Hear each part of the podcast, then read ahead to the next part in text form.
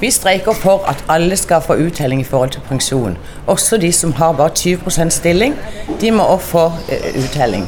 Uh, det er så viktig framover nå uh, at de får samla opp de pensjonspoengene, for pensjonene er ikke så gode framover for de som kommer etter oss.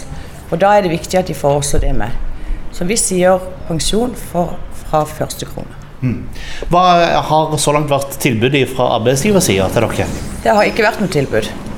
Eh, og det har enda ikke vært noen Hvis de kommer til oss, så er det ok. Men det har de ikke gjort, og da trapper vi opp. Eh, og så får vi se på åssen det går eh, videre, om vi trapper opp. Men eh, nå har vi holdt på i to uker, og vi får se. Men streikeviljen er stor.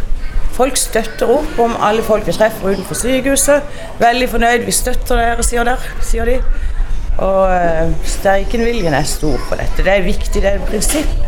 Og det er solidaritet. Organisasjonsdirektør ved Sørlandet sykehus, Nina Førland, kan fortelle at konsekvensene av streiken har så langt vært minimale. Ja, Sørlandet sykehus har i dag 155 medarbeidere som da er ute i streik.